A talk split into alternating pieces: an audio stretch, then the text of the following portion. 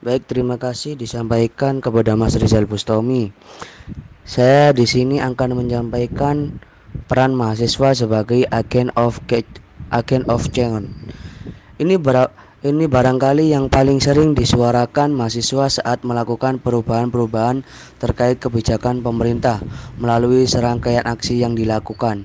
Mahasiswa adalah agen pengubah yang harus berdiri barisan paling depan menyuarakan aspirasi rakyat. Apabila ada yang salah dengan pengelolaan negara ini, peran mahasiswa sebagai agen pengubah harus muncul. Itulah sebabnya mahasiswa kerap melakukan gerakan-gerakan mahasiswa melalui berbagai aksi di lapangan. Banyak orang mengira aktivitas demonstrasi mahasiswa misalnya sebagai kegiatan sia-sia yang ditunggangi kepentingan politik, padahal sebenarnya inilah fungsi utama mahasiswa melakukan gerakan perubahan yang berpihak kepada masyarakat.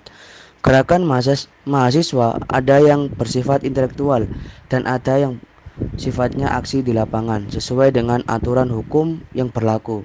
Keduanya dilakukan sesuai dengan kebutuhan dan kondisi di lapangan.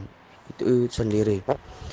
Baik, terima kasih. Itulah yang bisa saya sampaikan untuk peran penting mahasiswa sebagai agen of change